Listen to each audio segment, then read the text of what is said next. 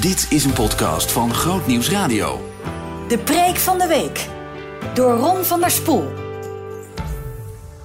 We lezen uit Matthäus 5. En we lezen nu het eerste stukje van Matthäus 5. De Heer Jezus is op weg met zijn discipelen. Hij heeft ze net geroepen. En dan uh, zijn er een grote groep mensen die, uh, omdat hij aan het genezen is en aan het preken is, die hem volgen. En dan gebeurt er dit in Matthäus 5. Toen hij de mensenmassa zag, ging hij de berg op. Daar ging hij zitten, met zijn leerlingen om zich heen. Hij nam het woord en onderrichtte hen. Gelukkig wie nederig van hart zijn, want voor hen is het koninkrijk van de hemel. Tot zover even. Ik heb uh, drie dochters. Die zijn inmiddels uh, volwassen. Maar ook nu ze volwassen zijn en hun, eigen leven mogen leiden, uh, weet iedereen precies dat het mijn dochters zijn. Mensen die ons kennen, die zeggen, oh, sprekend de vader. En de andere dochter is weer sprekend de moeder. En de, en de, de laatste dochter is een mix. Maar mensen die ons kennen, die, die, die pikken dat er feilloos uit. En dat gebeurt natuurlijk vaak. Hè? Je ziet kinderen uh, en je kunt zo zien, oh, dat is er eentje van die. Uh, en dan niet eens alleen uiterlijk, maar ook qua karakter. Dat is natuurlijk nog het leukst.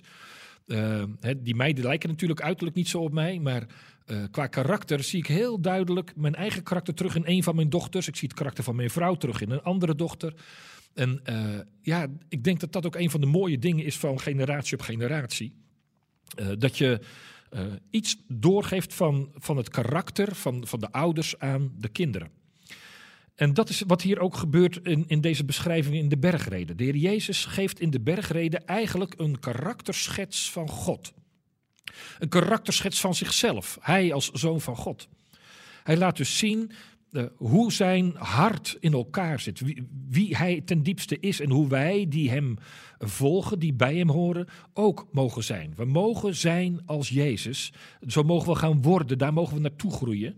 Uh, en dan zijn dit de karaktertrekken. En dan noemt Jezus acht karaktertrekken. En dan zegt hij dus, staat hier in deze vertaling gelukkig, maar letterlijk staat er gezegend ben je. Dus gelukkig, dat klinkt vaak van, oh wat ben ik blij, oh wat ben ik blij. Nou, dat is niet wat Jezus bedoelt. Hij bedoelt echt, je bent gezegend. Er is shalom. Er is vrede in je leven. Het is goed in je leven als dit is wat jou typeert. Want dit is ook wat mij typeert. En dan is het eerste wat de Heer Jezus zegt. Dus hij zegt, je bent gezegend. En misschien moet ik eerst even dit er nog bij zeggen. Tegen wie zegt hij dat? Er staat, er is een mensenmassa en dan gaat Jezus de berg op. En hij gaat echt even, hij neemt afstand. En dan gebeurt er iets heel bijzonders. De mensenmassa blijft staan. Maar het feit dat Jezus gaat zitten, dat was in de dagen van Jezus. Als een rabbi ging zitten, dan ging die onderwijzen. En er kwamen zijn leerlingen, die gingen om hem heen zitten. Hè, zijn discipelen. Dat waren met vele rabbies in de dagen van Jezus zo. Maar die gingen dan om hem heen zitten en dan ging hij eh, onderwijzen. En zij namen het onderwijs tot zich, namen het over, deelden van dat leven van de rabbi. En het feit dat Jezus een berg op gaat en gaat zitten, is niet anders dan één grote uitnodiging aan al die mensen. Kom, kom, kom maar om me heen. Ik ga jullie leren. Maar dan blijkt dat alleen de discipelen om hem heen gaan zitten. Daarom is altijd de vraag bij de bergreden, en ik denk bij al het woord wat we van God horen, ben ik de schare die op afstand blijft en denk, nou, nog maar eens even kijken. En uiteindelijk haakt de schare ook af. Of ben ik een discipel die zegt, Heer, wat u ook gaat zeggen, maar ik ga doen. Ik ga, ik ga u volgen. Ik, ik, ik, ik wil erbij zijn. Ik wil bij u zijn. Dat is de keuze, ook vandaag weer. Luister je als de massa, zo van nou, een beetje veilige afstand en als het me niet bevalt, dan draai ik me weer om. Of luister je als een leerling die zegt, zeg het maar Heer, u mag het zeggen. De discipelen zitten om hem heen en zeggen daarmee, Heer, u mag het zeggen. En dan zegt Jezus dit. Ik denk dat ze zich wild geschrokken zijn van het onderwijs. Gezegend ben je als je nederig van hart bent. De oude vertaling zegt zalig de armen van geest. En eerlijk gezegd is dat een, een, een, nog sterkere vertaling, een betere vertaling. Want wat Jezus hier bedoelt is precies dat. Zalig ben je als je arm van geest bent. Wat is een arme van geest? Een arme van geest is iemand die beseft: ik kan het zelf niet goed maken met God. Mijn geloof is niet voldoende en niet sterk genoeg om het te redden in het leven met God. Ik kan zelf eigenlijk helemaal niets inbrengen. Dat is een arme van geest. Het betekent, je beseft dat je God niet kunt liefhebben met heel je hart, heel je ziel en al je kracht. Het lukt je gewoon niet. Je wil wel, maar het lukt niet. Je beseft, ik kan de naaste niet liefhebben als mezelf, zoals God dat van mij vraagt. Ik probeer het wel, maar ik schiet daarin ongelooflijk tekort. Ik schiet tekort in het leven met Jezus. Gezegend ben je, zegt Jezus, als je een arme van geest bent. Als je beseft, ik red het niet in mijn eentje. Ik kan het niet zelf. Ik, ga, ik ben eigenlijk, een arme van geest zou je kunnen zeggen, is eigenlijk geestelijk failliet. Voorbeeldje, Paulus, Romeinen 7. Daar zegt hij, het goede wat ik wil, dat doe ik niet. Kwade wat ik niet wil, dat doe ik. Ik ellendig mens. Dan hoor je de echo van een arme van geest. Ik ellendig mens. Ik wil wel, maar het lukt me niet. Het wil zeggen, ik leef wel met God, maar die liefde is vaak niet zo bruisend. Ik, ik ben niet zo vol van Hem. Dan ben je een arme van geest. En arm betekent hier niet, uh, nou je redt het maar net. Arm betekent, je redt het niet alleen. Je kunt het niet zelf. Je redt het zelf niet. Je kunt het niet zonder hulp. Eigenlijk is dat het geheim van een arme van geest. Ik kan niet zonder hulp. Ook niet als het gaat om het leven met de Heere God. Je bent, en zo zeiden heel veel predikers dat vroeger, je, bent een bedelaar bij God. Maar dat beeld van de bedelaar vind ik wel heel mooi. Je komt ze af en toe nog tegen. En uh, in de stad, vooral in het buitenland, hè, bij ons is het meestal een beetje weggemoffeld, weg, uh, maar je komt ze tegen, de bedelaars. Mensen die hun hand ophouden en vragen, wil je me helpen? Soms hebben ze een bordje erbij, help. Dat is een arme van geest die zegt naar God toe, houd die lege hand op. Als je bidt, hou je lege hand op. Als je, als je nadenkt over God en, en, en het leven met Heer Jezus, dan hou je lege handen op. En dan bedel je om hulp. Heer, help me alsjeblieft. Weet je, ik zie dat, ik zie dat uh, ook weer terugkomen in, uh, in de psalmen bij David. David was ook echt zo'n zo'n arme van geest. In psalm 51, daar, dan gaat het daar ook over. Hè? Dan heeft hij gezondigd met Bathseba, uh, de buurvrouw. En dan zegt hij... Ehm, Heer, schep een zuiver hart in mij. Vernieuw mijn geest. Maak mij standvastig. Verban mij niet uit uw nabijheid. Neem uw heilige geest niet van mij weg. Red mij. Geef mij de vreugde van vroeger. De kracht van een sterke geest. Een, een, een gebroken hart en een verslagen geest. Die, die, die, die zijn voor u belangrijk. Dat is wat, wat wat uh, Jezus hier bedoelt. Je bent een arme van geest. Heer, help me alsjeblieft. Heer, vergeef me. Heer, red me. Ik denk ook aan die tollenaar uit die gelijkenis van Jezus. Hè? De, de, de fariseer en de tollenaar. De fariseer zegt, dank u dat ik niet ben als... En die vindt zichzelf prima en die redt het ook uitstekend met zichzelf. Maar de, de, de tollenaar die staat ergens achterin en zegt, wees mij zondaar genadig.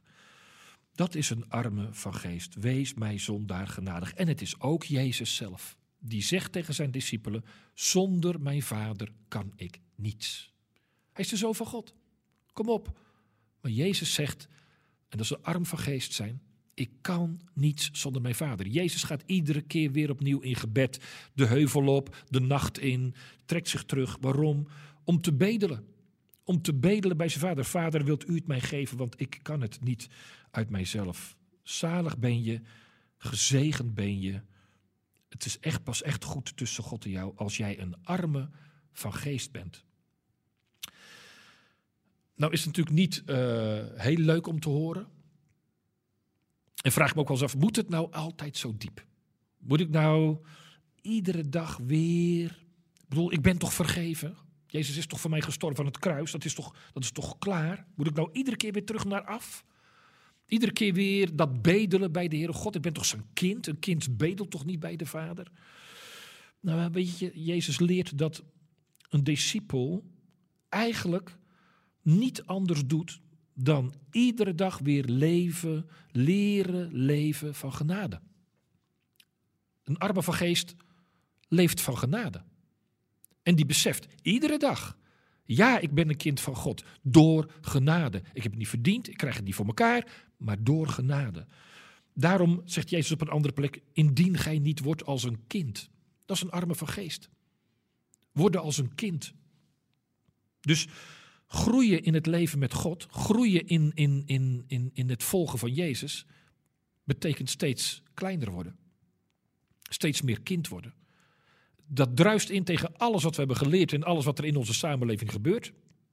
We willen groot zijn, sterk zijn, groeien, beter, meer. Maar bij Jezus is het echt andersom. In het koninkrijk van God is het echt andersom.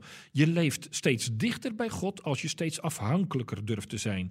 Je, je wordt steeds sterker als je steeds kwetsbaarder durft te zijn. Je, je gaat meer uitdelen als je meer durft te bedelen. Zalig ben je, gezegend ben je als je een arme van geest bent. Als je iedere dag als een bedelaar bij God komt in het besef, ik kan het niet. Jij, dat is wat Jezus bedoelt met je leven verliezen. En dat is niet een eenmalige gebeurtenis en dan is het klaar en daarna mag je lekker gaan bouwen. Nee, dat komt iedere dag weer terug. Dit is wat ze vroeger de dagelijkse bekering noemden. Klinkt heel ouderwets, maar het is een waarheid als een koe in het leven met de Heere God.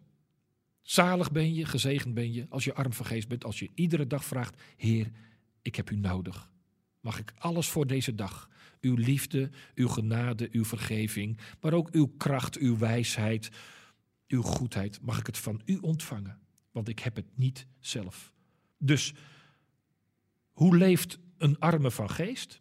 Een arme van geest leeft afhankelijk, leeft van genade, Weet, alles en elk moment is in zijn hand. Niet wat ik wil, maar wat u wil zal geschieden. En nooit meer, ik dank u dat ik niet ben als. Maar altijd wees mij genadig. Een arme van geest. Die vergeven is. En die iedere dag opnieuw die liefde mag ontvangen. Als een bedelaar. Is ook iemand die daarvan heel rijk gaat uitdelen.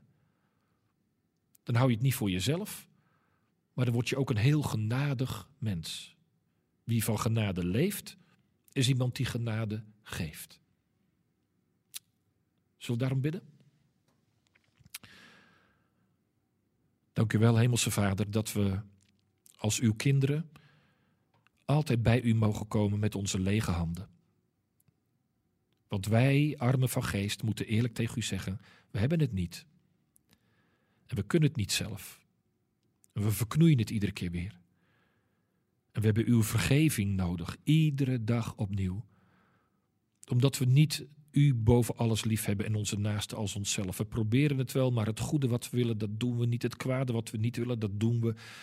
We voelen ons soms zo ellendig. Maar dan mogen we bij u komen met onze leegte, met onze duisternis. En dan schijnt u met uw licht en met uw liefde, met uw genade in ons leven. Is het heerlijk om een arme van geest te zijn.